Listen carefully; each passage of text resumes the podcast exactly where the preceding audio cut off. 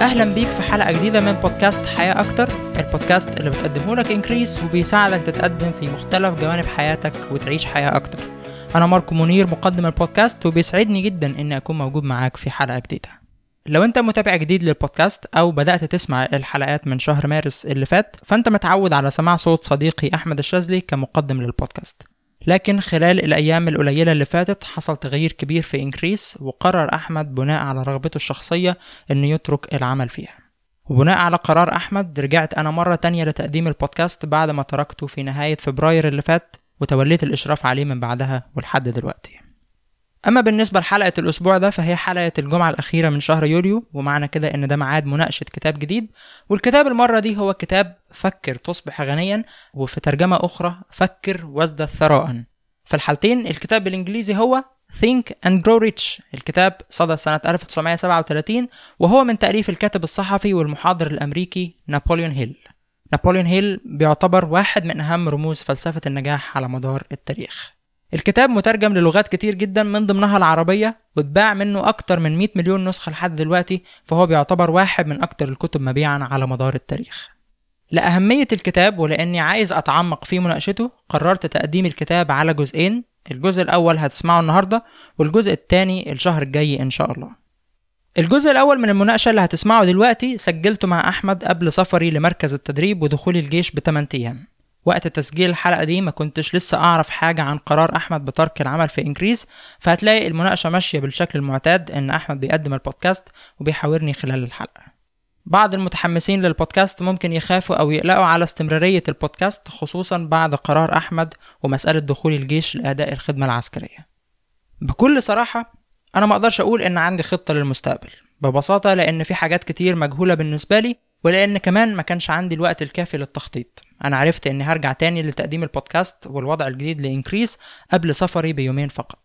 فما عنديش خطة أقدر أوعدكم بيها لكن أقدر أقدم وعد تاني وهو إني هبذل كل اللي أقدر عليه علشان البودكاست يستمر حتى رغم الظروف الصعبة دي. وكمان أوعدكم بتقديم حلقات متميزة وبتضيف ليكم أكتر. كلها أيام قليلة إن شاء الله وأرجع تاني من مركز التدريب وساعتها هعلن عن تصوري للمسار اللي هتمشي عليه إنكريس في الفترة الجاية. أكيد هيبقى فيه تغييرات كتير لكنها في سبيل الاستمرار وتحقيق التقدم. ودلوقتي خلينا نبدأ الجزء الأول من مناقشة كتاب Think and Grow Rich أو فكر تصبح غنيا. إزيك يا ماركو؟ إزيك يا أحمد؟ إيه الأخبار؟ الحمد لله. منورنا في حلقة جديدة من البودكاست. ربنا يخليك. طبعا إحنا هنزل الحلقة دي وأنت في الجيش بس يعني. أيوه الناس بس يبقوا عارفين كده إن أنا مش يعني الحلقة دي أنا مسجلها من بدري قبل ميعاد إذاعتها بفترة طويلة يعني. لكن أنا حاليا وأنتوا بتسمعوا الحلقة دي أنا في مركز التدريب. بندعي لك كلنا ماركو. ربنا يخليك. طيب اتفضل. تحب تبتدي كتاب إزاي؟ طبعا كتاب and Grow Rich كتاب مميز جدا واحد من أهم الكتب في تاريخ البشرية يعني من الكتب اللي حققت مبيعات كبيرة جدا. والكتاب ليه قصة مميزة أنا عايز أبدأ آه، إن أنا أحكيها. ممكن يكونوا مش ناس كتير يعرفوها. في واحد اسمه نابليون هيل اللي هو الصحفي اللي كتب الكتاب ده. نابليون هيل كان شاب صغير بيكتب مقالات لمجلات بيكتب المقالات دي بشكل آه، فريلانس يعني آم، كاتب بالقطعة. هو بيكتب بالقطعة يعني بيكتب مقالات حسب الطلب من المجلة اللي هو بيشتغل معاها دي. والمجلة دي في مرة قالت له طب ما تكتب لنا حوار مع أندرو كارنيجي. وأندرو كارنيجي ده في الوقت اللي هو كتب فيه الحوار كان الرجل الأغنى في العالم. وأصلا عموما أندرو كارنيجي هو تاني أغنى رجل في التاريخ. بعد جون دي روكفيلر. أندرو كارنيجي كان مشهور بأن هو إمبراطور الحديد. هو صاحب أكبر مصانع للحديد والصلب على مستوى أمريكا ويمكن كمان على مستوى العالم. فنابليون هيل راح يسجل معاه أو راح يعني يعمل معاه حوار علشان ينزل في المجلة دي قصة نجاح أندرو كارنيجي. نابليون هيل سافر للمكان اللي فيه بيت أندرو كارنيجي. هو ما كانش مكان قريب فكان سافر له بقطر. سافر للمكان ده وهو دفع معاه بس تمن التذكرة اللي هي رايح بس. معهوش تمن التذكرة راجع. وعنده أمل إن أنا يعني هعمل حوار مع أغنى رجل في العالم فيعني يعني جايز مثلا ينوبنا من حظ جانب يعني يديني حاجة ولا كده يعني. يرجعني هو على حسابه. آه. فالمهم قعد معاه وقعدوا يتكلموا وخلصوا الحوار وكده. بعدين أندرو كارنيجي قال له إيه رأيك أنا عندي فكرة ليك ممكن نقعد نتناقش فيها؟ لو حابب يعني ممكن نقعد مثلا مع بعض كام يوم كده نتناقش في الفكرة دي. طبعا نابليون هيل انبسط جدا إن هو هيقعد ثلاث أيام مع أغنى رجل في العالم وكمان مش مضطر إن هو يرجع يعني بال... بالقطر. فالمهم لما قعد معاه ثلاث أيام أندرو كارنيجي شرح له الفكرة هي إن عايزه يكتب فلسفة للنجاح. أندرو كارنيجي بيقول له أنا أعرف ناس كتير ناجحين جدا. الناس دول عندهم آه، خبرة وعلم ومعرفة قليلين من الناس على مستوى العالم اللي يعرفوها. أنا مش عايز الناس دول يروحوا للقبر والأفكار بتاعتهم تروح معاهم. أنا عايز الأفكار بتاعتهم دي تبقى. فإيه رأيك لو أنت خصصت ال20 أو 25 سنة جايين من حياتك لأن أنت تحقق في موضوع النجاح مع مجموعة من أغنى وأهم وأنجح الشخصيات على مستوى أمريكا؟ شخصيات زي مين؟ زي هنري فورد آه، يعني أسطورة صناعة العربيات ومؤسس شركة فورد زي توماس إديسون واحد من أهم المخترعين زي ثيودور روزفلت اللي كان رئيس للولايات المتحدة الأمريكية وناس غيرهم كتير. قعد معاه أندرو كارنيجي مع نابوليون هيل بعد ما شرح له الفكرة والثلاث أيام خلصوا وقعد معاه علشان يقرر في الموضوع. فقال له حابب إن أنت تخصص ال 25 سنة الجايين من حياتك للمهمة دي؟ مع العلم إن أنا خلال ال 25 سنة دول معرفكش مش هصرف عليك ولا جنيه أو ولا سنت. في ال 25 سنة دول انت مطلوب منك ان انت تكسب لقمة عيشك بنفسك تشوف بقى أي وظيفة تانية ولا أي حاجة تعملها. أنا كل اللي هعمله هو إن أنا هعرفك بالناس دول هوصلك ليهم. فهيديله خطابات تعريف إن هو يروح للناس دول إن أنا من طرف أندرو كارنيجي. نابوليون هيل فكر شوية بعدين قال له أيوه أنا موافق هخصص الفترة دي من حياتي للمهمة دي. في الوقت اللي هو كان بيقول له كده ده أندرو كارنيجي كان ابتدى يحسب بالساعة بتاعته الوقت اللي هيرد فيه نابوليون هيل قد إيه. فحسب إن بعد 31 ثانية نابوليون هيل من السؤال يعني نابوليون هيل قال له أنا موافق. أندرو كارنيجي كان مقرر إن لو مر دقيقة ونابوليون هيل ما ردش عليه هيعتبر إن الإجابة هي لأ. وبالفعل ابتدى نابوليون هيل المهمة دي أو الرحلة دي وحقق بقى زي ما قلنا مع ناس كتير جدا من أنجح الشخصيات في العالم حوالي 500 شخص قدر إن هو يكون قريب منهم عاش قريب منهم مش مجرد إن هو راح عمل معاهم حوار. طبعا من ضمنهم برضو أندرو كارنيجي وهكذا لغاية لما كتب لنا الكتاب الشهير بتاعه ده. الحقيقة Think and Grow هو مش أول كتاب ينشره نابليون هيل. الكتاب الأول كان اسمه The Laws of Success أو قوانين النجاح والكتاب ككل حوالي 1600 صفحة. الكتاب هو كان خلاصة التجربة بتاعته والكتاب ده هو عمله محاضرات ودروس كتير كان بيشرحها على مستوى أمريكا. والكتاب اتطبع منه نسخ صغيرة بس من حظه إن بعد نشر الكتاب بفترة قليلة حصلت حاجة في أمريكا سنة 1929 بيسموها الكساد العظيم. حالة زي زي الفترة الاقتصادية كده اللي حصلت مثلا سنة 2008 ولا 2007 اللي هي نوع من الكساد يعني الاقتصادي على مستوى أمريكا وكان في بطالة كبيرة جدا والناس مش معاها فلوس وهكذا فالكتاب ما استمرش. سنة 35 تقريبا نشر الكتاب بقى في صيغة مختصرة وأقصر بكتير وسماها Think and Grow Rich أو بالعربي بيترجموها فكر وازدد ثراء. والكتاب ده بقى حقق آه، مبيعات رهيبة جدا. وكان الكتاب ده هو اللي شهر نابوليون هيل وشهر الفكرة بتاعته وفرق في حياة ملايين من الناس على مدار الحوالي مثلا ال 80 سنة اللي فاتوا دول من ساعة نشر. نابوليون هيل من بعد الكتاب ده كمان بقى يعني واحد من أنجح الناس في العالم كمان. ولغاية دلوقتي لسه اسمه بيتقال والكتب بتاعته بتترجم وهكذا. قبل ما نبتدي الكتاب أنت قلت إن أندرو كارنيجي كان مقرر لو قعد دقيقة وما جاوبش على السؤال هيبقى الإجابة لأ. هل عندك فكرة ليه؟ ليه الوقت دقيقة يعني؟ هو عايز يعرف أنت يعني هو بالنسبة لأندرو كارنيجي هو العرض يعني زي ما بيقولوا إيه ما فيهوش لأ. والحاجة التانية كمان هو عايز يشوف هل انت إنسان حاسم في قراراتك بتعرف تاخد قرارات حاسمة ولا لأ؟ هل انت من النوع اللي هو متشكك ولا لأ؟ فهو لو انت متشكك لو انت متردد وصاحب بالين زي ما بيقولوا يعني آه أو لأ طب هشوف ظروفي مش عارف إيه فأنت مش الشخص المناسب لمهمة في منتهى الأهمية زي كده. آه أندرو كارنيجي من الناس يعني أنا ما أعرفش عنه كتير بس أعرف إن هو بنى جامعات وبنى مكتبات ومنصات أو اللي هي الكارنيجي هول قاعة من أكبر القاعات بتاعه المسارح في أمريكا. فهو راجل كان مهتم جدا بالتعليم وبالثقافة بالرغم إن هو ما كانش متعلم. هو اندرو كارنيجي ما بيعرفش يقرأ ويكتب وهو أصلا اسكتلندي مهاجر لأمريكا وابتدى بإن هو عامل في مصانع الحديد بعد كده بقى إمبراطور الحديد. فهو كان شايف إن دي مهمة عظيمة جدا. وأندرو كارنيجي قال له أنا بفهم في الناس. أنا المهارة الأهم أو السمة الأهم لنجاحي واللي بتميز بيها واللي الناس كلهم بيشيدوا بيا عليها إن أنا بفهم في الناس. فهو أندرو كارنيجي شاف إن في حاجة إن نابوليون هيل ده ممكن ينفذ الفكرة دي وكان عايز يتأكد هل هو فعلا قادر على ده ولا لأ. فأكتر من دقيقة فمش أنت الشخص المناسب. طيب يلا بينا نبتدي في الكتاب. هنمشي بالترتيب في ال chapters بتاعته ولا إيه؟ هنمشي بالترتيب بس في chapters مش هقف عندها كتير. إحنا هنحكي النهارده الجزء الأول أو النص الأول من الكتاب. النص م. الأول بالنسبة لنا هو من ال chapter الأول the power of thought أو قوة ال- التفكير أو قوة الفكر. لحد ال chapter السابع اللي هو organized planning أو التخطيط المنظم. هو الكتاب ككل تقريبا 15 تشابتر بس هو نابوليون هيل بيقسمهم ل 13 خطوة للنجاح. الخطوات بتبدأ من الشابتر الثاني لحد الشابتر ال 14 هم 13 خطوة للنجاح. هنقول منهم النهارده ست خطوات. تمام. الخطوة الأولى. قبل ما نبدأ بالخطوة الأولى نابوليون هيل بيتكلم في بداية الكتاب بتاعه عن قوة التفكير. فهو بيقول فعلا الأفكار بتتحول لنتائج أو بتتحول لأشياء. وبيحكي في البداية بتاعه الكتاب بتاعه القصة دي بيحكيها في ال chapter الأول والثاني قصة واحد اسمه إدوين بارنز. وإدوين بارنز هنفهم في نهاية ال chapter الأول إن إدوين بارنز واحد من أقرب أصدقاء نابوليون هيل. وإدوين بارنز كمان هو الشريك التجاري لتوماس إديسون المخترع الشهير. ممكن نعتبره كده إن هو شريكه للتسويق أو لتطوير الأعمال. إدوين بارنز ابتدى علاقته أو شراكته مع توماس إديسون بإن هو اشتغل موظف عنده. إدوين بارنز من من صغره كان بيحلم بإن هو يكون شريك للمخترع العظيم ده اللي هو توماس إديسون. فنابوليون هيل بيقول إدوين بارنز في البداية ابتدى بإن هو عنده أمنية إن هو يكون شريك للمخترع العظيم ده.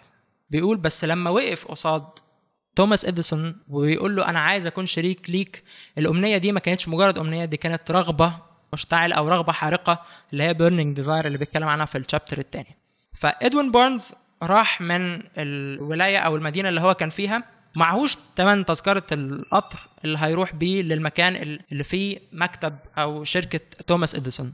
فاضطر إن هو يركب في قطار البضائع. راح للمكان اللي فيه توماس إديسون وقال لهم أنا عايز أقابل توماس إديسون. طيب عايز تقابله ليه؟ أنا عندي فكرة إن أنا ممكن أكون شريك ليه.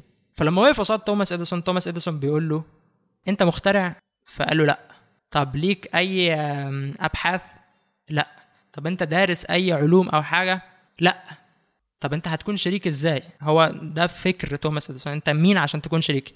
وحتى كمان تعليق نابوليون هيل بيقول أنت لما تشوف إدوين بارنز وهو رايح لتوماس إديسون يعني هو شخص متواضع جدا هيئته متواضعة جدا فمين أنت علشان تشارك توماس إديسون توماس إديسون قرر إن هو يحطه من ضمن ال- العاملين اللي عنده فشغلوا أي حاجة هنا نابوليون هيل بيعلق بيقول إن واحد زي ادوين بارنز رايح إن هو يكون شريك لتوماس إديسون.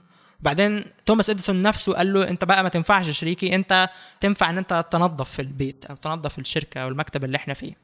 لكن بالرغم من كده ادوين بارنز وافق وقبل ده ما تراجعش وما ما قالش خلاص بقى الموضوع مش نافع أنا هرجع تاني للمكان اللي أنا كنت فيه وأشوف أي حاجة تانية أعملها.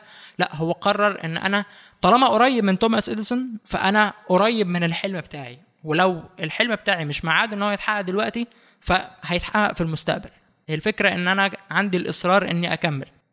فقعد مع توماس إديسون فترة طويلة لغاية لما في مرة من المرات توماس إديسون عايز يبيع واحد من الاختراعات بتاعته ومندوبين المبيعات شايفين إن الاختراع ده مش هيقدروا إن هم يبيعوه في الولايات بتاعة أمريكا.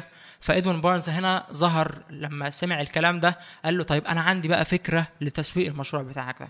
ومن هنا ابتدت شراكتهم مع بعض. وبعد بقى سنين شراكة دامت فترة طويلة بقى إدوين بارنز واحد من الناس اللي اللي أثروا في آه، شراكته مع توماس إديسون وعمل فرق كمان في الاختراعات اللي عملها توماس إديسون انها انتشرت ووصلت لعدد كبير من الناس. فنابوليون هيل في بداية الكتاب بتاعه عايز يقول قوة الأفكار إن إدوين بارنز ابتدى حلمه ده بمجرد فكرة بس مع الإصرار وال burning desire أو الرغبة الحارقة دي والتخطيط قدر إن هو يوصل للهدف بتاعه. فهي دي الافتتاحية بتاعه الكتاب. الوعد اللي بيقدمه من من خلال الكتاب بتاع نابوليون هيل بيقول إن أنت لو طبقت الأفكار اللي أنا بقول لك عليها دي هتحقق الغنى. مش لازم يكون غنى أو ثراء مادي بمعنى إن هو فلوس بس هتحقق أي هدف أو أي نتيجة أنت عايز توصل لها. الأفكار أو ال- الكلام اللي بيتكلم عنه نابوليون هيل في الكتاب هو مش محتاج تعليم معين مش محتاج ذكاء مش محتاج موهبة هو محتاج بس إن أنت تنفذ الأفكار بتاعته وهتقدر إن أنت تحول أفكارك دي لنتائج أو أشياء. ف...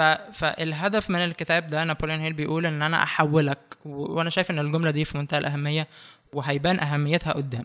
إن الكتاب الهدف منه إن هو يحولك من وعي الفشل لوعي النجاح من ال failure consciousness لل success consciousness أو قدام هيقولها بشكل تاني ال money consciousness فالوعي المادي. هو كمان برضو في حاجة تانية أنا عايز أقولها هو بيقول ودي نقطة مهمة جدا قبل ما نبدأ الخطوة الأولانية هي إن ناس كتير بيقيموا الأفكار وبيقيموا الناس بناء على معتقداتهم هم الشخصية. فهو بيقول إن في ناس لما هيقروا الكلام ده هيقولوا إن الكلام ده ما ينفعش. مفيش حاجة اسمها إن أنا ممكن أحول أفكار إنها تبقى فلوس. فهو بيقول الناس دول بيقولوا كده بناء على معتقداتهم هم. هم طول عمرهم عايشين في الفقر. ما عندهمش وعي أو ما عندهمش أي احتمال لغير كده.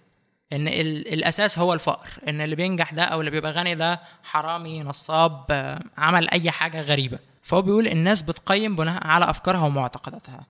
الحاجة الصح اللي أنت تعملها هي إن أنت تقيم الأفكار اللي بتتقال في الكتاب ده بشكل موضوعي. ما تحكمش عليها من منظورك الشخصي من ناحية معتقداتك. جربها. جايز تكون الأفكار دي غير منطقية غير عملية لكن اديها الفرصة وجربها. وبعد ما تجرب قيمها واحكم عليها. لكن خلي عقلك منفتح لأفكار جديدة ممكن تكون غريبة عن اللي أنت متعود عليه الخطوة الأولانية لتحقيق الغنى أو الثراء هي الرغبة. ومش أي رغبة هو بيك... بي... بيوصفها كده بأنها رغبة حارقة burning desire أو رغبة مشتعلة. الرغبة المشتعلة دي بتبتدي رغبة مشتعلة؟ الإجابة هي لأ. تاني إدوين بارنز لما جت في باله فكرة إن هو ممكن يكون شريك لتوماس إديسون أو الحلم ده ابتدى في باله إن هو حلم أو مجرد أمنية. حاجة بسيطة جدا فكرة بسيطة مش بتشغله ومش مش مسيطرة عليه. لكن هو إدى الفكرة دي وقتها حافظ على الفكرة دي جواه وعززها وغذاها لغاية لما أصبحت الفكرة دي رغبة حارقة جواه. بتسيطر عليه وبتحركه بتحرك كل تصرفاته كل أفكاره. فبقت الرغبة دي لازم تعبر عن نفسها من خلال أفعاله وقدر إن هو يتصرف على أساسها وإن هو يبقى في النهاية شريك لتوماس إديسون. بس الخطوة الأولانية هي رغبة حارقة. لكن زي ما إحنا متفقين الرغبة الحارقة دي مش بتبتدي كده لكن ممكن تبتدي بإنها مجرد أمنية. نابليون هيل بيقول إن كل واحد يعرف قيمة الفلوس هيبقى عايزها إن هو نفسه إن هو يبقى معاه فلوس. هو بيقول كده تمني الفلوس ما بيحققش الغنى. خلاص؟ لكن تحقيق الغنى بيجي بإن أنت عندك رغبة للغنى وعقلية أو state of mind إن الفكرة دي اتحولت لهوس. إن الفكرة دي مسيطرة عليك. مش هوس بالمعنى المرضي إن هو مش مش مشكلة نفسية لكن هوس يعني فكرة مسيطرة فكرة بتزن عليك باستمرار. والفكرة اللي بتزن دي أنت بتحولها إلى خطوات وخطة عملية تقدر إن أنت تنفذها وبتصر على الرغبة دي إن أنت لحد ما توصل لها. فهي فكرة الفكرة دي تتحول لرغبة حارقة مسيطرة عليك وإنها هوس. بعدين خطوات عملية وخطة لتنفيذ الفكرة دي والإصرار على الوصول للهدف ده. ست خطوات لتحقيق أي هدف أو أي رغبة عندك. الخطوة الأولانية إن أنت تحدد في عقلك ال- القدر اللي أنت عايزه من الفلوس. فما تقولش إن أنا عايز أبقى غني أو ما تقولش إن أنا عايز يبقى معايا فلوس كتير. فلوس كتير دي اللي هي كام يعني؟ فإن أنا مثلا عايز يبقى معايا مليون جنيه مصري أو إن أنا عايز أكون الأول على دفعتي في الكلية السنة دي أو إن أنا عايز أكون معافى من مرض معين أو إن أنا عايز أكون عايش في المكان الفلاني. ايا كانت الرغبة بتاعتك. أنا بس بوضح هنا اللغة اللي بيستخدمها نابليون هيل كلها عن الثراء المادي. بس أنا بتكلم هنا إنها ممكن تنفع لأي هدف تاني. فإيه الهدف بالظبط اللي أنت عايز توصل له أو الرغبة اللي عندك؟ فدي النقطة الأولانية. النقطة الثانية إيه المقابل اللي أنت هتدفعه في سبيل تحقيقك للهدف ده؟ ما فيش حاجة في الدنيا ببلاش. فأنت عايز مليون جنيه؟ طيب أنت هتعمل إيه علشان تجيب المليون جنيه دي بقى؟ أو علشان تستحق المليون جنيه؟ في الخطوة دي انت بتحدد الخدمة اللي انت ممكن تقدمها. مش لازم الخدمة اللي انت هتقدمها دي تكون يعني ممكن حد يقول مثلا طب أنا بشتغل وظيفة متواضعة أو بقدم خدمة متواضعة ما توصلنيش إن أنا يبقى معايا مليون جنيه. دي البداية. يعني هتبتدي انت من عند دي وهنشوف بعد كده هتعمل إيه في موضوع ال- المستقبل ده بقى اللي يوصلك في النهاية للمليون جنيه. بس ابتدي بإن انت تقول لنفسك وتبقى واضح قصاد نفسك إن مفيش حاجة في الدنيا ببلاش. فأنا هتعب وهشتغل علشان خاطر أوصل للمليون جنيه دي. أعتقد إن النقطة التانية دي مهمة جدا الناس ما بتاخدش بالها منها. يعني ناس كتير قوي تقول لك أنا عايز أوصل للمكان الفلاني بس عمره ما بيفكر هو هيعمل إيه أو إيه ال- التمن اللي هو هيدفعه عشان يوصل للمكان ده أو حتى مش يعني مش بيعتبره مش مش بي consider التمن ده خالص. ما هو عشان كده نابوليون هيل بقى بيقول إيه؟ بيقول يعني هو هتلاقي بيتكلم قصادك آه، قدام على عقبات مثلا. ففي كل العقبات دي هيجي يقول لك كده إن ال burning desire هتيجي تساعدك في الحالة دي. فلو انت مسنود على رغبة حارقة لو مسنود على فكرة مسيطرة عليك كل العقبات اللي قصادك ممكن إنها تبقى أسهل بكتير أو تتذلل قصاد ال- الرغبة الحارقة دي. بس هي في البداية تكون رغبة حارقة. وفي البداية تكون انت فعلا عايزها. لو انت فعلا عايزها هتبقى يعني مستعد تدفع الثمن مثال بسيط جدا يعني لو انت بتحب واحدة جدا وعايز إن انت تتجوزها لو مثلا باباها قال لك على مهر غالي مثلا أو طلب طلبات مبالغ فيها شوية فأعتقد لو أنت بتحبها بجد هتبقى مستعد إن أنت تشتغل وإن أنت تحقق لها الرغبات بتاعتها دي عشان خاطر إن أنت ترتبط بيها في النهاية. بس لو هي يعني يعني لو هو حب كده آه، لو مش فارقه معاك قوي يعني لو مش فارقة تقول له معاك، يا آه. عم أنا هعمل كل ده عشان إيه؟ النقطة الثالثة هي التاريخ. عايز توصل للرغبة بتاعتك دي إمتى؟ ما تسيبش الباب مفتوح كده. لازم تحدد التاريخ. وتحديد التاريخ ده ليه أكتر من سبب. بس أنا هقول سبب واحد دلوقتي هو ده مش كلام نابوليون هيل ده, ده كلامي أنا. القانون اللي هم بيسموه قانون باركنسون. قانون باركنسون اللي هو بيقول المهام بتتمدد علشان تحتل الوقت اللي أنت سمحت لها بيه. بمعنى إن أنا خلال سنة هنفذ المهمة الفلانية دي. لو المهمة دي تتنفذ في ست شهور هتلاقي نفسك إن أنت عملتها في السنة. هتقعد تأجل فيها لأن أنت لسه عندك الوقت طويل. تراخيت يعني أو خدت راحتك قوي ما عملتهاش بسرعة يعني. آه لكن لو أنت حاطط وقت منطقي حتى لو الوقت ده أنت جه ولسه ما حققتهاش حققت بس جزء منها تقدر إن أنت تمد الوقت بعد كده. لكن لما أنا أقول مثلا عشر سنين علشان يبقى معايا خمسين ألف جنيه فده وقت كبير جدا على هدف صغير. هتلاقي إن أنت بعد عشر سنين فعلا حققت الخمسين ألف دي. طب لو قلت مثلا ثلاث سنين عشان يبقى معايا مليون جنيه وبعدين عدوا ثلاث سنين وما ما اعيش حاجة. هتحط هدف أبعد شوية. سوري هتحط تاريخ بعده بشوية. ما أنا كده أحبطت خلاص أو لا. حسيت إن الفكرة فاشلة. لا ما أنت فاهم بقى. طيب إحنا هنوضح الفكرة دي قدام بس هي عملية نمو. أنت بتنمو في طريقك لتحقيق الهدف ده. فلو أنت محقق تقدم خلاص هتبقى أنت فاهم إن الموضوع إن أنا أنا اتقدمت إن أنا رحت من يعني أنا مش واقف لسه في المكان اللي أنا فيه. فالثلاث سنين دول ما راحوش هدر. الثلاث سنين دول كان لازم يمروا علشان أحقق مثلا 60% من الهدف بتاعي.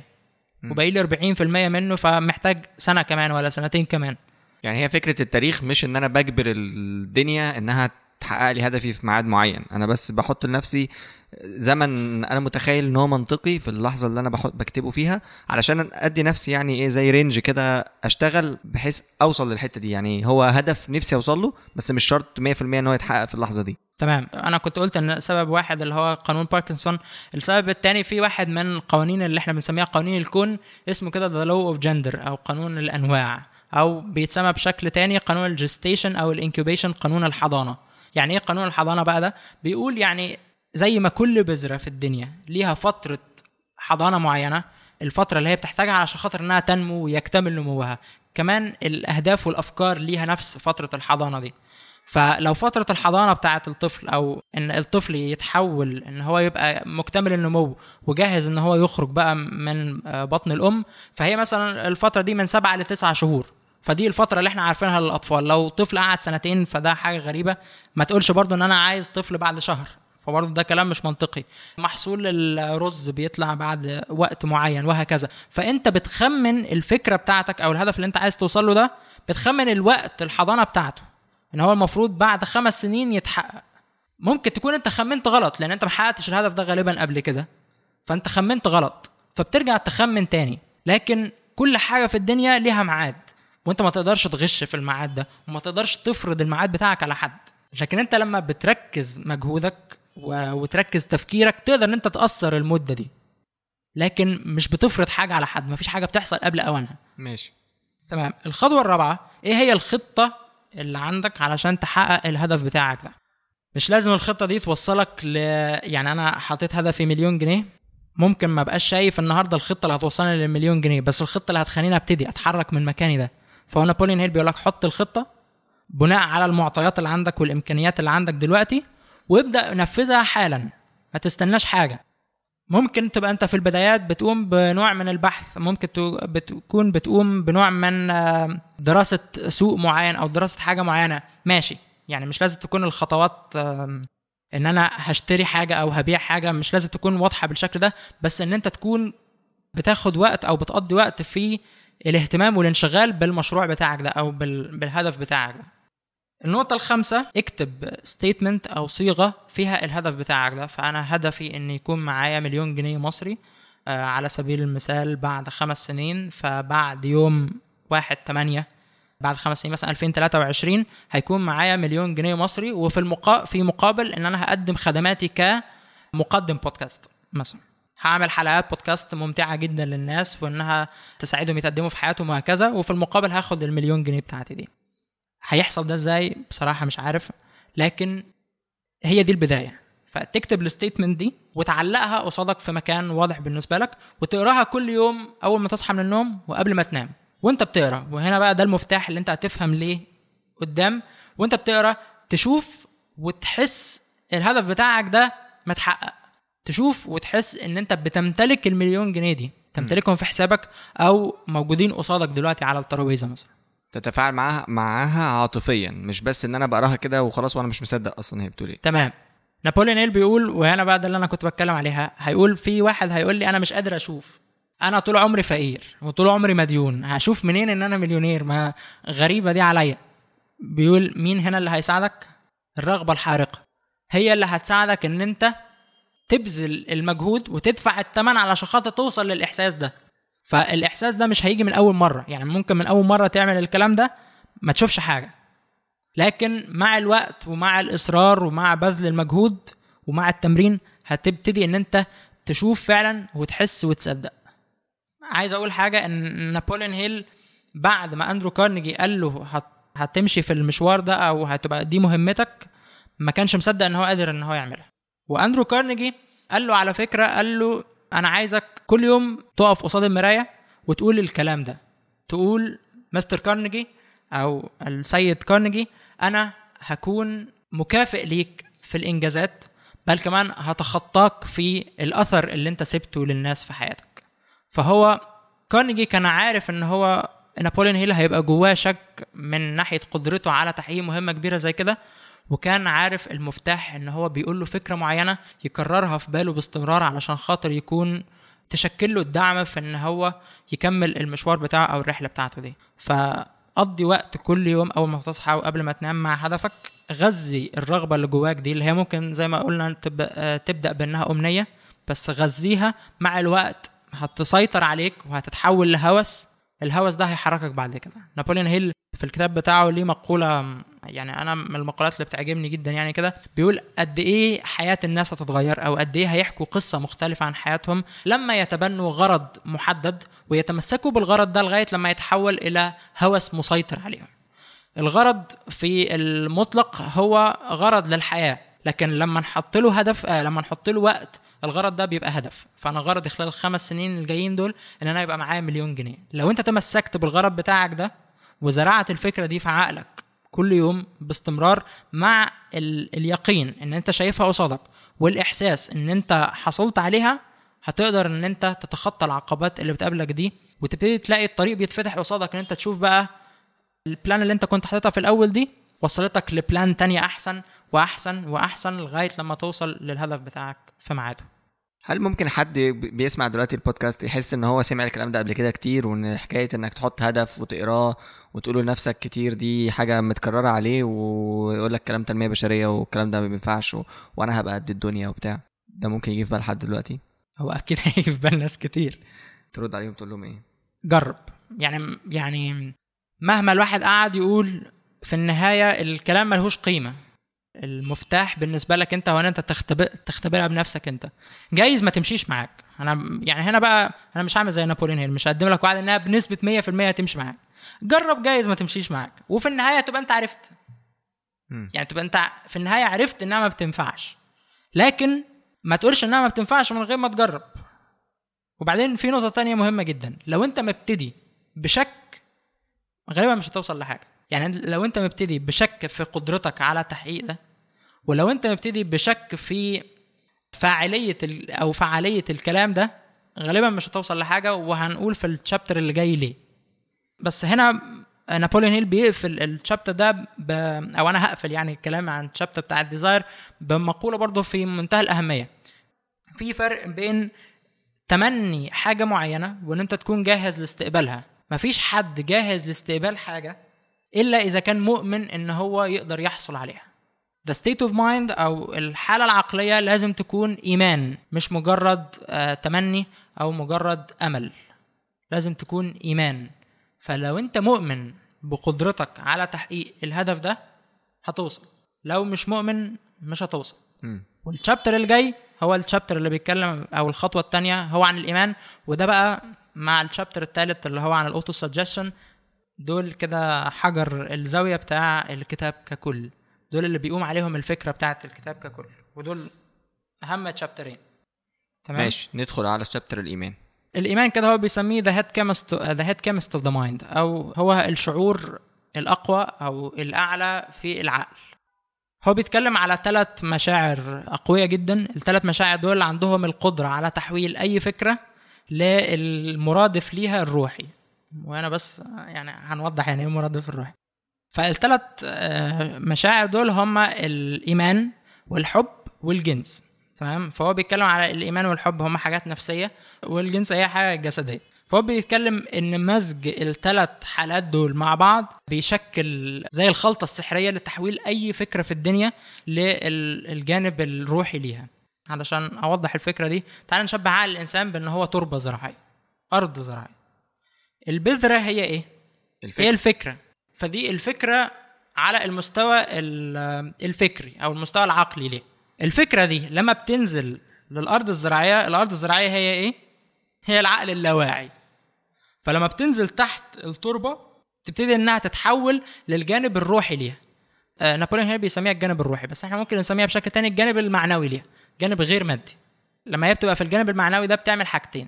زي أي بذرة في الأرض بتبتدي إن هي تستمد من التربة الغذاء بتاعها سواء بقى كان سماد كان بكتيريا معينة مثلا في الأرض أو مية أنت بترويها بيها. وكمان بتبتدي إن هي تجذب من الهواء ترددات متناغمة معاها أو طاقة متناغمة معاها بحيث إن البذرة دي تبتدي إنها تكبر وتكبر وتكبر لغاية لما تتحول لشجرة من نفس النوع بتاعها. فلو هي كانت بذرة آه، تفاح. تفاح فهتتحول لشجرة تفاح. يعني هي في الآخر البذرة دي لما بتنزل التربة بتاعتها وده في. حتى في الزراعة العادية بتبتدي تستمد من البيئة اللي هي فيها الحاجات اللي تناسبها هي. يعني هي مش بتاخد كل حاجة لا. من. من البيئة. هي بتاخد الحاجات المناسبة للنوع... للنوعية بتاعتها. فعشان كده تطلع شجرة تفاح. لو زرعت شجرة برتقال ممكن تاخد حاجات مختلفة. تمام. ماشي. خلاص. إيه بقى اللي يخليها تنزل للأرض الزراعية؟ تنزل للتربة. في الزراعة الفلاح هو اللي بيرميها. تمام. بس في الأفكار بتاعتنا الأفكار إزاي تروح من العقل الواعي اللي هو فوق الأرض للعقل اللاواعي اللي هو تحت التربة من خلال الثلاث مشاعر بقى اللي إحنا اتكلمنا عليهم. أو بشكل عام أي شعور إيجابي أو أي شعور سلبي. لكن نابليون هيل بيتكلم على الثلاث مشاعر دول اللي هم الحب والإيمان والجنس إن هم الثلاثه الأقوى. تمام. لكن مثلا شعور تاني زي الرغبة زي السعادة الفرح أي حاجة من المشاعر دول أو الحزن خوف. الخوف. أو الشك. كل الحاجات دي برضو هتساعدك إن أنت تنزل الأفكار بتاعتك للعقل اللاواعي. بس هي لما بتنزل للعقل اللاواعي بيحصل بقى في الإنسان حاجتين. إن الإنسان بيبتدي يتصرف على أساسها. من غير ما ياخد باله. من غير ما ياخد باله. والحاجة التانية هي إن بيبتدي يجذب من الهواء ظروف أحداث آه، موارد ناس يساعدوه وهكذا. على نفس الليفل بتاع الفكرة بتاعته. أيوة عايزين هم كمان يوصلوا لنفس الهدف بتاعه ده. إحنا بنتكلم على حاجة إيجابية أو سلبية يعني بغض النظر الفكرة اللي أنت زرعتها دي حاجة كويسة هتستمد حاجات كويسة ولو هي حاجة سلبية هتستمد حاجات سلبية بس كده كده أنت هتتصرف على أساسها وكده كده هي هتستمد حاجات زيها أو هتجذب حاجات زيها تمام. مش عايز ادخل كتير في تفاصيل فكرة انها تجذب من الهوا حاجات مقابلة ليها دي. طبعا ده بيعتمد يعني زي ما الناس كلها عارفين على قانون الجذب أو the law of attraction ممكن اللي مهتم يعرف أكتر شوية عن رأينا في قانون الجذب يروح يسمع الحلقة بتاعه قانون الجذب. إحنا عملنا حلقة عن الموضوع ده. الكلام اللي بيقوله نابوليون هيل في الكتاب بتاعه هو كلام قديم شوية من الناحية العلمية بالوصفة اللي هو بيقول عليها دي. ففي الوقت بتاعه كان في دكتور مشهور جدا اسمه جي بي راين وكان عامل نقلة في فهمنا لعقل الإنسان. بس الكلام ده مع الوقت اتطور يعني والعلماء قالوا إن في حاجات ما تنفعش. لكن في النهاية اللي أنا بس عايز أوصل له إن ممكن يكون الطريقة اللي بيتكلم عنها نابوليون هيل ممكن تكون مش سليمة. لكن النشاط نفسه بيحصل. إن في حاجات بتحصل لك في تناغم مع الحالة العقلية بتاعتك وبتساعدك إن أنت توصل للهدف بتاعك ده بيحصل. دليل إيه على كده؟ جرب بنفسك. برضو يعني ما عنديش دليل على كده. بس هي دي الفلسفة بتاعت نابوليون هيل واللي هو شافها مع مئات من الناس الناجحين على مستوى العالم.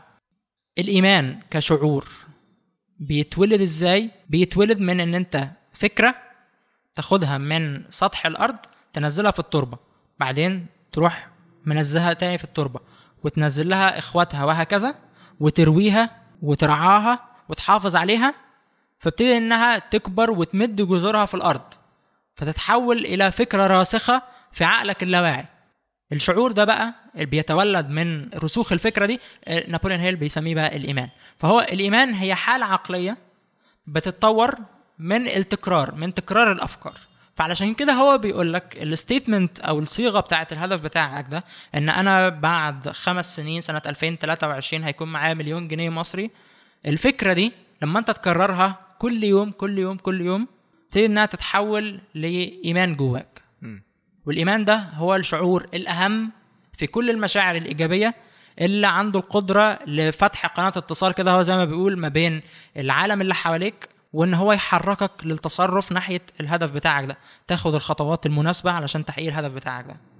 ففكرة الست خطوات اللي إحنا عملناهم ان إحنا حددنا الحاجة وبعدين آه، كتبناها وبعدين بنكررها على عقلنا على طول لفكرة التكرار دي هي ان أنا انزلها من العقل الواعي اللي هو مش بتصرف على اساسه مجرد فكرة بس للعقل اللاواعي بقى وتثبت فيه. هم. وجود الفكرة في العقل الواعي ملهوش أي قيمة أو أي تأثير عليك. يعني ممكن أحمد يقول لي فكرة معينة الفكرة دي أنا زي ما بقول زي ما بنقول كده أقلبها في دماغي وأروح راميها بره تاني. ولا أثرت عليا ولا قبلتها رفضتها. ما ما فرقتش معايا في حاجة. أو حتى تبقى مقتنع بيها بس ما بتتصرفش على أساسها فبالتالي هي برضه مقتنع بيها على المستوى الواعي. آه. يعني ممكن أتناقش معاك وممكن حتى أتجادل معاك في موضوع أنا يبدو عليا إن أنا مقتنع بيه. آه. عايز تعرف أنا مقتنع بيه فعلا ولا لأ؟ تصرفاتك بص بقى. على التصرفات بتاعتي. مم. ففي واحد مثلا يقول لك أنا مؤمن جدا بحرية المرأة بس أنا مراتي ما تخرجش بره البيت ما تتعاملش مع ناس غريبة وهكذا. فهي أنا مبسوط بيها كده. وممكن هتلاقيه بيقول أعذار ومبررات للموضوع ده. هو مؤمن على المستوى الواعي بس. المستوى الواعي ليه قيمة فكرية.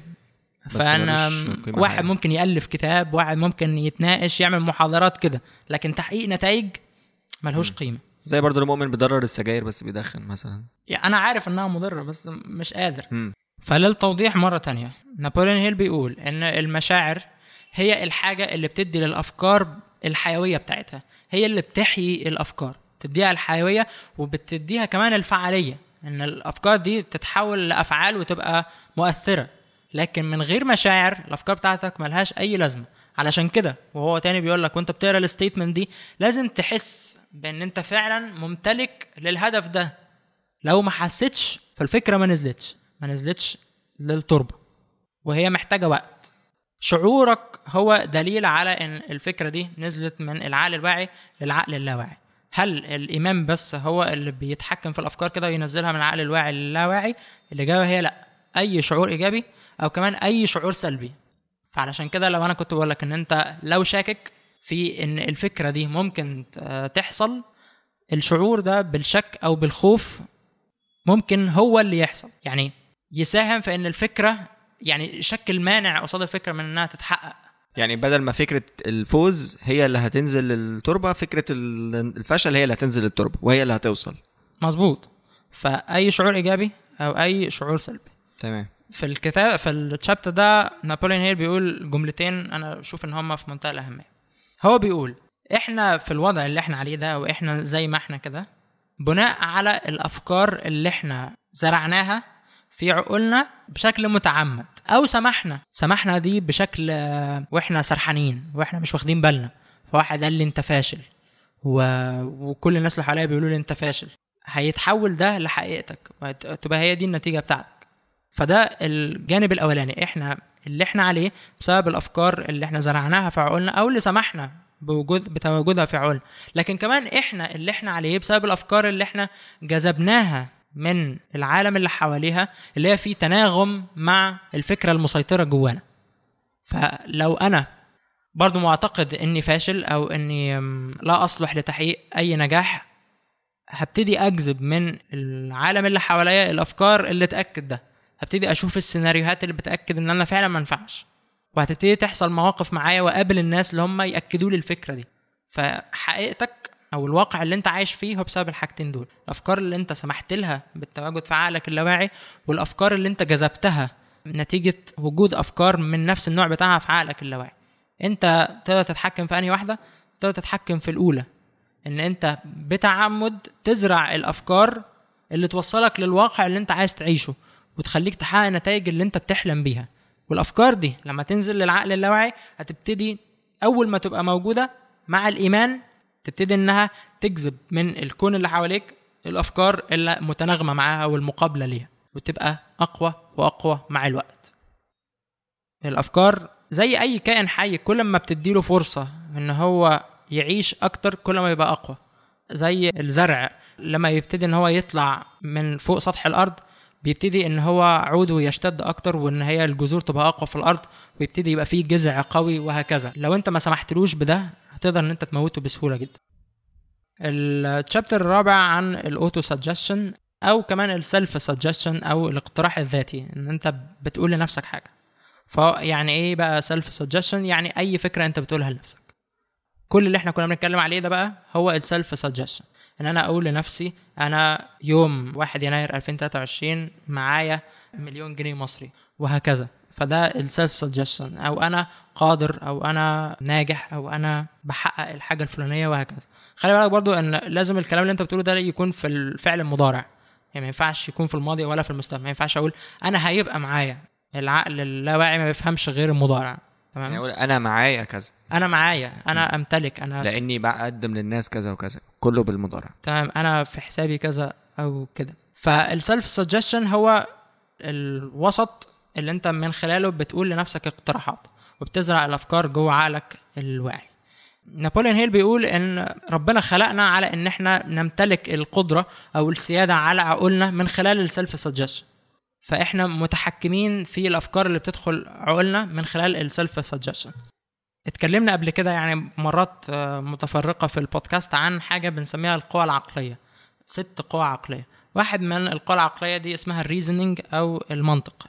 وأنا فاكر إن أنا قلت قبل كده إن ال reasoning ده بيشتغل بطريقتين inductive reasoning و deductive reasoning. مش عارف الترجمة بتاعتها بالعربي للأسف.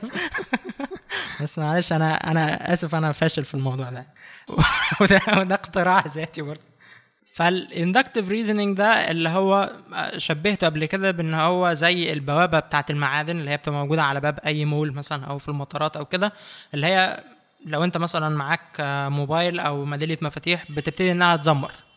فلو البوابة شغالة وانت عديت بمعدن هتلاقيها زمرت والراجل هيقول لك لو سمحت شيل المفاتيح دي مثلا وارجع تاني. فدي حالة ال inductive reasoning اللي فيها عقلك واقف حارس على الأفكار اللي بتخش له من بره. انت بتلقط الأفكار منين؟ من خلال الحواس الخمسه يا إما بالسمع يا إما بتشوف مشهد مثلا بي بيوحي بحاجة معينة أو من خلال الشم واللمس والتذوق وهكذا. ال inductive reasoning بيقف حارس على ال ال الافكار اللي داخله دي.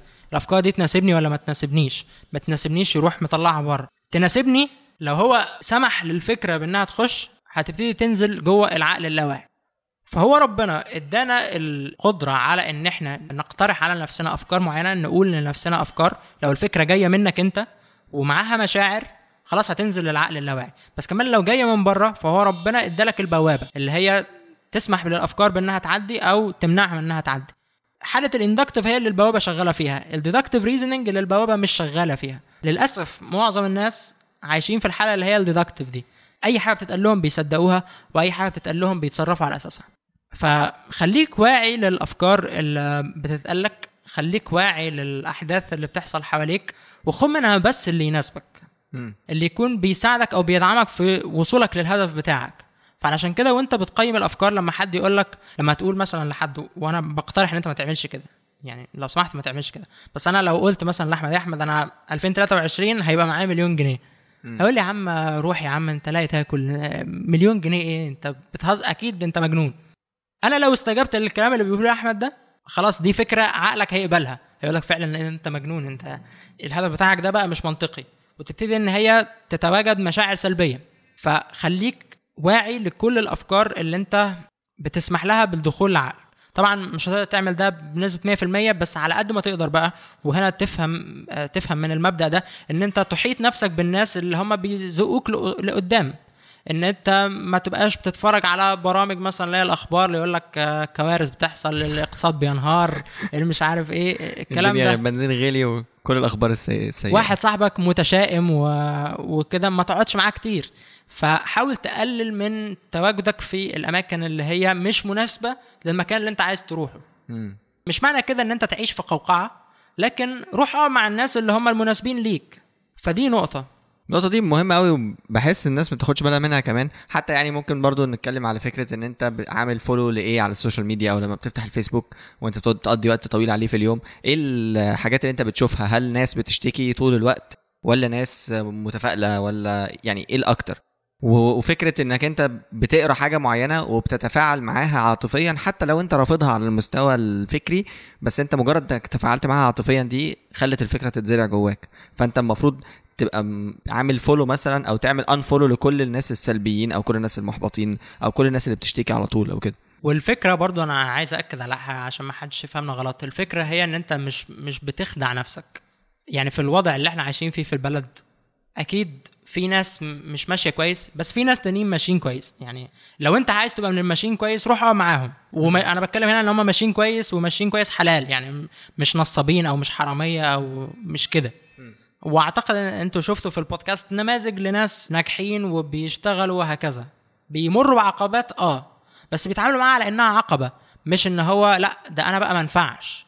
أو لأ ده الموضوع مستحيل إن هو يحصل. أو البلد دي مش مش نافعة أو مش مناسبة. وهكذا. اختار الناس اللي انت بتقعد معاهم وال... والحاجات اللي بتأثر في عقلك لأن الحاجات دي فعلا بتأثر بشكل كبير جدا. وفي أبحاث كتير اتعملت على موضوع فيسبوك ده والتأثير اللي هو بي... بيسببه على عقولنا. بس ده موضوع تاني يعني ممكن نتكلم فيه بشكل أكبر في وقت تاني. ربنا إدانا القدرة على إن إحنا نحمي عقولنا من الأفكار السلبية اللي هي ما تساعدناش إن إحنا نحقق الهدف بتاعنا. في نقطة مهمة جدا. عقلك اللاواعي. ما ينفعش يتواجد فيه فكرتين عكس بعض في نفس الوقت. بمعنى إن هو يبقى فيه فكرة إيجابية وفكرة سلبية.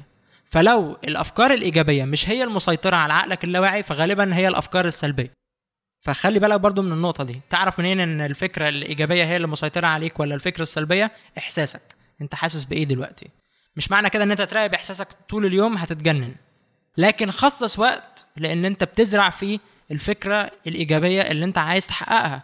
علشان كده نابوليون هيل بيقول لك خصص كل يوم وقت الصبح أول ما تصحى ووقت قبل ما تنام ودول أحسن وقتين عقلك فيهم بيبقى في حالة استعداد, استعداد. إن هو يستقبل الأفكار فدول أنسب وق... أنسب وقتين في اليوم ففي بداية اليوم بتاعك قول لنفسك ال statement بتاعت الهدف بتاعك دي إن أنا يوم 1 يناير سنة 2023 أمتلك مليون جنيه مصري وقبل ما تنام قول الكلام ده وردد الأفكار الإيجابية لنفسك. ابتدي يعني تبقى بقى محاط بالحاجات اللي تساعدك إن أنت توصل للهدف بتاعك وهكذا. هيتكلم قدام شوية على ال mastermind group بتشكل لك الدعم اللي أنت محتاجه. لكن ما ينفعش يتواجد في عقلك الأفكار الإيجابية والأفكار السلبية في نفس الوقت. خلي بالك من النقطة دي. الخطوة الرابعة هي specialized knowledge أو المعرفة المتخصصة. نابوليون هيل بيقسم المعرفة لنوعين معرفة عامة ومعرفة متخصصة.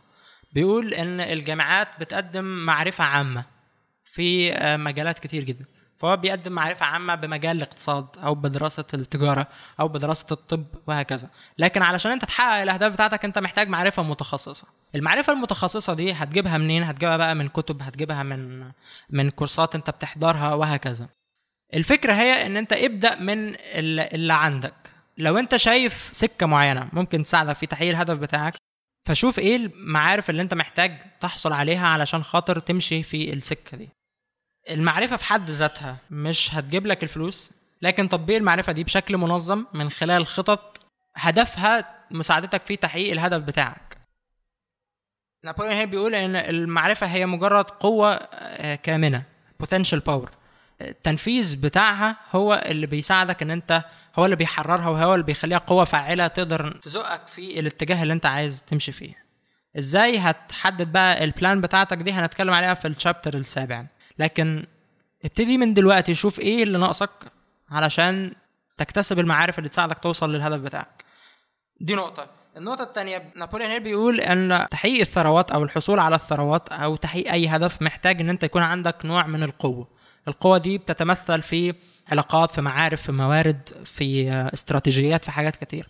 مش لازم كل القوة دي تكون في إيد الشخص اللي هو هيحقق الهدف. يعني أنا عايز يبقى معايا مليون جنيه بس مش لازم أكون أنا اللي بفهم في كل حاجة وأنا اللي عندي كل الموارد وكل العلاقات علشان خاطر أحقق الهدف بتاعي ده. ممكن يحصل شراكة أو تعاون ما بيني وما بين ناس تانيين عندهم الحاجات اللي ناقصاني. فأنا كنت بتكلم مثلا على إن أنا عايز أحقق الهدف بتاعي بإن أنا يبقى معايا مليون جنيه من خلال تقديم خدمات للناس من خلال حلقات بودكاست أنا بعملها. طيب أنا بفهم في البودكاست ده. هشوف برضو إيه الحاجات اللي ناقصاني علشان أطور من المهارة بتاعتي دي. لكن مثلا أنا محتاج حد يكون شاطر جدا مثلا في التسويق. ما عنديش ده. فأبتدي إن أنا أدور على حد يكون عنده المهارة دي. محتاج فلوس مثلا. أنا ما عنديش الفلوس. هدور على مستثمر مثلا ممكن إن هو يستثمر معايا فلوسه أو حد مثلا صاحبي يسلفني فلوس عشان خاطر إن أنا أحقق الهدف بتاعي. فالفكرة إن أنت مش لازم تكون معاك كل القوة لكن الشخص اللي هيحقق الهدف بتاعه ده لازم يكون عنده القدرة على تنظيم القوة دي وإدارتها. فهي دي النقطة المهمة. الخطوة رقم خمسة هي الخيال. والخيال نابليون هيل برضو بيقسمه لنوعين. بيسميها synthetic imagination والحاجة التانية creative imagination. ال synthetic imagination النوع ده من الخيال من خلاله انت بتقدر ترتب الأفكار اللي عندك وتقدر ان انت تجمعها مع بعض وتربطها بأشكال مختلفة. الأشكال دي ممكن ينتج عنها فكرة جديدة. مركب يعني. آه أنا بتكلم عن الموضوع ده كتير قوي اللي هي فكرة تاني الممكن المجاور.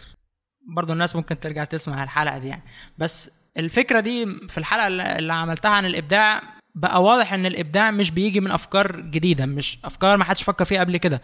بس غالبا بتلاقي الإبداع بيجي من أفكار قديمة واحد ركبها مع بعض بشكل مختلف وقدر إن هو يحقق منها حاجة جديدة خالص. لو تسمع مثلا جيف بيزوس وهو بيتكلم على أمازون فالإنترنت كان موجود قبل أمازون طرق الدفع اللي هي من خلال ال credit cards أو ال debit cards كانت موجودة من قبل أمازون. الكمبيوترات موجودة من قبل أمازون وكانت موجودة في كل بيت. حتى جيف بيزوس بيقول كانوا بيستخدموها للعب. لكن هو قدر يجمع الثلاث حاجات دول وبقى هم الأساس للمشروع بتاعه اللي هو بيع المنتجات عن طريق الإنترنت. وبقى هنا جيف بيزوس عنده الإمبراطورية بتاعته اللي هي شركة أمازون dot com. فهو ما عملش حاجة جديدة هو ما اخترعش حاجة جديدة.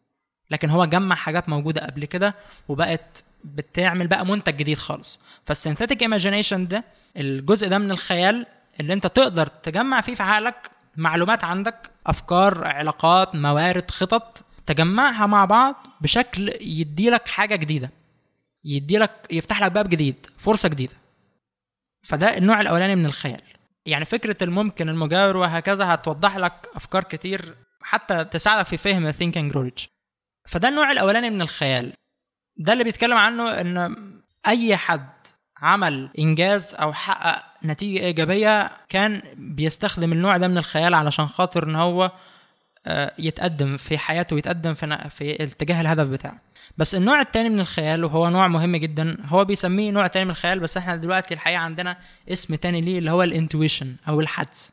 الحدس هو إيه؟ هو إن أنت بتستقبل أفكار من بره من شخص تاني أو من من حاجة تانية. زي إلهام مثلا. زي الإلهام. فالمخترعين برضو لما بيجي لهم إلهام فكرة جديدة حاجة كانوا هم بيدوروا عليها بس مش قادرين يعرفوا إيه هي بالظبط أو يلاقوها فبتلاقي جات له فكرة كده إيه ده؟ الموضوع بقى واضح دلوقتي ليه؟ فالفكرة دي جاية من بره عقله يعني هو ما كانش يعرفها قبل كده. فده النوع التاني من الخيال. ده هيحصل مش بإيديك. بس ده هيحصل إمتى؟ لما تكون أنت عقلك متحفز لاستقبال الأفكار. ومتحفز إمتى لاستقبال الأفكار؟ لما يبقى في حالة تردد إيجابية متناغمة مع الهدف بتاعك. لما يكون عقلك اللاواعي عنده الفكرة دي وعنده البذرة راسخة وكبيرة وكده صح؟ تمام. زي ما إحنا قلنا هتبتدي إنها تجذب الأفكار المتناغمة معاها. مم. فهتلاقي مثلا تليفون من واحد أنت ما تعرفوش بيتصل بيك بيقول لك أنا عارف ان انت بتعمل بودكاست وأنا كمان مش عارف عايز اعمل بودكاست برضه. طب ما تيجي نعمل إحنا اتنين بودكاست مع بعض أو ايا كان. أو أنا عايز استثمر معاك في البودكاست بتاعك أو عندي فكرة معينة اساعدك بيها وهكذا. فهتلاقي الفرص بتجيلك لأن انت دايما في تناغم مع الهدف بتاعك. فكرة دايما دي برضو عشان تحذير للناس يعني عشان الموضوع ده صعب مش دايما يعني 100% من الوقت. لو انت بس بتخصص الوقت ده اللي هو الصبح نص ساعة الصبح أو 10 دقائق الصبح و10 دقائق بالليل كده أنت في تناغم مع الهدف بتاعك. وطول اليوم طول اليوم على قد ما تقدر بتفكر في الهدف بتاعك. كل ما تفكر فيه وقت أطول كل ما هتبقى بتزرع بتروي الفكرة بشكل أكبر. تخيل كده كل مرة بتفكر في الهدف بتاعك إن أنت بتسقي البذرة اللي أنت زرعتها في الأرض ده. بتغذيها بتديها أسماد وهكذا. كل مرة جديدة بتفكر فيها بتخليها أقوى. ففي الفترة الأولانية دي مش هتبقى حاسس بأي حاجة خالص. هتلاقي يعني عقلك بيقولك من جواك انت اهبل واللي انت بتعمله ده جنان وهيديلك أسباب كتير علشان ده ما ينفعش. بس جرب يعني مع برضو زي ما اتفقنا ما, ما فيش حجة غير كده. يعني جرب. جرب فترة طويلة يعني مش تجرب اللي هو تجرب أسبوع مثلا لا يعني. لا استمر جرب- يعني. جرب فترة طويلة. يعني جرب ثلاث شهور. ثلاث شهور استمر على ده. لو ما حصلش حاجة فأنت ما خسرتش حاجة. بس هيحصل. برضو بحته إن ال- الإلهام أو الحاجة اللي تيجي من بره دي عشان في يعني الناس هتمسك في الحتة دي وتفضل تستناها. في ناس كده بتبقى قاعدة يعني كل تفكيرها على المستوى الواعي وهو مش واخد باله يعني اللي هو فكرة التمني. أنا قاعد مستني اللحظة اللي يجي لي فيها تليفون من حد ما اعرفوش يقول لي كذا. بس هو في الحقيقة أنت المفروض تكون بتتصرف الأول على أساس الفكرة بتاعتك دي وأنت ماشي ومش قاعد مستني الفكرة دي هي ممكن تيجي ممكن ما تجيش يعني. هي؟ هم لو سمعوا تاني الحلقة بتاعت أفكار غير الأصلية ساعة لما أنا كنت بشرح الفكرة بتاعت الشطرنج يعني إحنا لو قلنا أبسط صورة ليها لو أنا عايز أكسب ماتش شطرنج قصادي أحمد بنلعب مع بعض ماتش شطرنج وأنا عايز أكسب عمرك ما هتكسب من الخطوة الأولى. مش هتحصل. مش لأن أنت فاشل. يعني لو أعظم لعيب في تاريخ الشطرنج مش هيكسب من الخطوة الأولى لأنها مش من الاحتمالات بتاعت اللعب. تمام؟ بس احتمالات اللعب بيقول لك إن مش عارف مثلا من الخطوة الرابعة ممكن الفوز. الفكرة هي إيه؟ إن أنت تقوم بالخطوة الأولى. بعدين توضح بالنسبة لك احتمالات أوسع للخطوة الثانية فتقوم بالخطوة الثانية بعدين تقوم بالخطوة الثالثه وهكذا. فكل خطوة جديدة أنت بتقوم بيها أبواب بتتفتح قصادك واحتمالات جديدة بتظهر قصادك وموارد ومعارف وخطط وعلاقات. كل ده بيظهر قصادك تقدر إن أنت تستغله. فما فيش حاجة اسمها أنا مستنيها ومستني بقى الإلهام أو الفرج من عند ربنا هيحصل. مم. لا أنت بتحافظ على الوعي بالفلوس والوعي بالفلوس أو الماني كونشسنس ده هو الحالة العقلية اللي عقلك متشبع بالهدف بتاعك أو بالنتيجة اللي أنت عايز تحققها. ومؤمن بيها. مهووس بيها ومؤمن بيها. فإن أنت تحافظ على الحالة العقلية دي والحالة العقلية دي هتدفعك للحركة في الاتجاه ده. بس الحركة في الأول مطلوبة لأن لسه البذرة بتاعتك ضعيفة جدا ما عندهاش القدرة إنها تحركك. لسه في البداية مش هوس إحنا اتفقنا في البداية هو أمنية. ففي البداية أنت محتاج تتحرك. تتحرك حتى برغم إن ممكن عقلك من جواك يكون رافض الفكرة أو يقول لك الموضوع ده مش منطقي ومش عملي وبعيد قوي وصعب. فالحركة قدام مطلوبة. مع الوقت البذرة هتبتدي إنها تغرس جذورها في الأرض تبتدي تاخد قوتها تبتدي بقى بعد كده هي تحركك. في مقولة مش مش متأكد. يعني أعتقد إن هو ألفريد أدلر عالم النفس الشهير كان بيقول كده أنا ممتن للفكرة اللي بتستخدمني. مع الوقت لما تدي للفكرة الاهتمام هي بعد كده هي اللي هتستخدمك هي بعد كده اللي هتتحركك. الهوس ده هيبقى مسيطر عليك مش هتعرف إن أنت تنسى الهدف بتاعك أو الرغبة دي. وده زي اللي حصل مع ادوين بارنز وحصل مع ناس كتير جدا. بيفكرني بالرافعي موضوع الفكرة اللي بتستخدمني ده. مقتنع دايما إن الكلمات بتستخدمه عشان تظهر للناس مش هو اللي بيكتب. يعني مش دي أفكاري أنا بحطها في الورقة. لا هو بيقول إن الكلام والأفكار دي بتستخدمني أنا كأداة عشان تبان للناس وتطلع بره. فكرة يعني فكرة تانية كويس إن أنت فكرتني برضو بالموضوع ده ودي اتكلم عنها برضو نابوليون هيل في الكتاب. اتكلم عنها في سطر واحد بس بس يعني في واحد برضو من قوانين الكون اللي إحنا اتكلمنا عليها قانون كده اسمه The Law of Transmutation of Energy أو قانون تحول الطاقة. القانون ده بيقول إن الطاقة مفيش حاجة اسمها طاقة متواجدة في حد ذاتها طاقة مستقلة بذاتها. يعني الصورة اللي هي موجودة فيها هي طاقة مفيش حاجة اسمها كده. الطاقة لازم تاخد شكل مادي.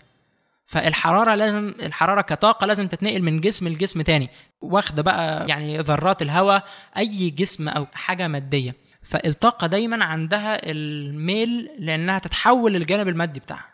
فوجود الرغبة جواك زي ما والس واتلز بيقول هو دليل على القدرة.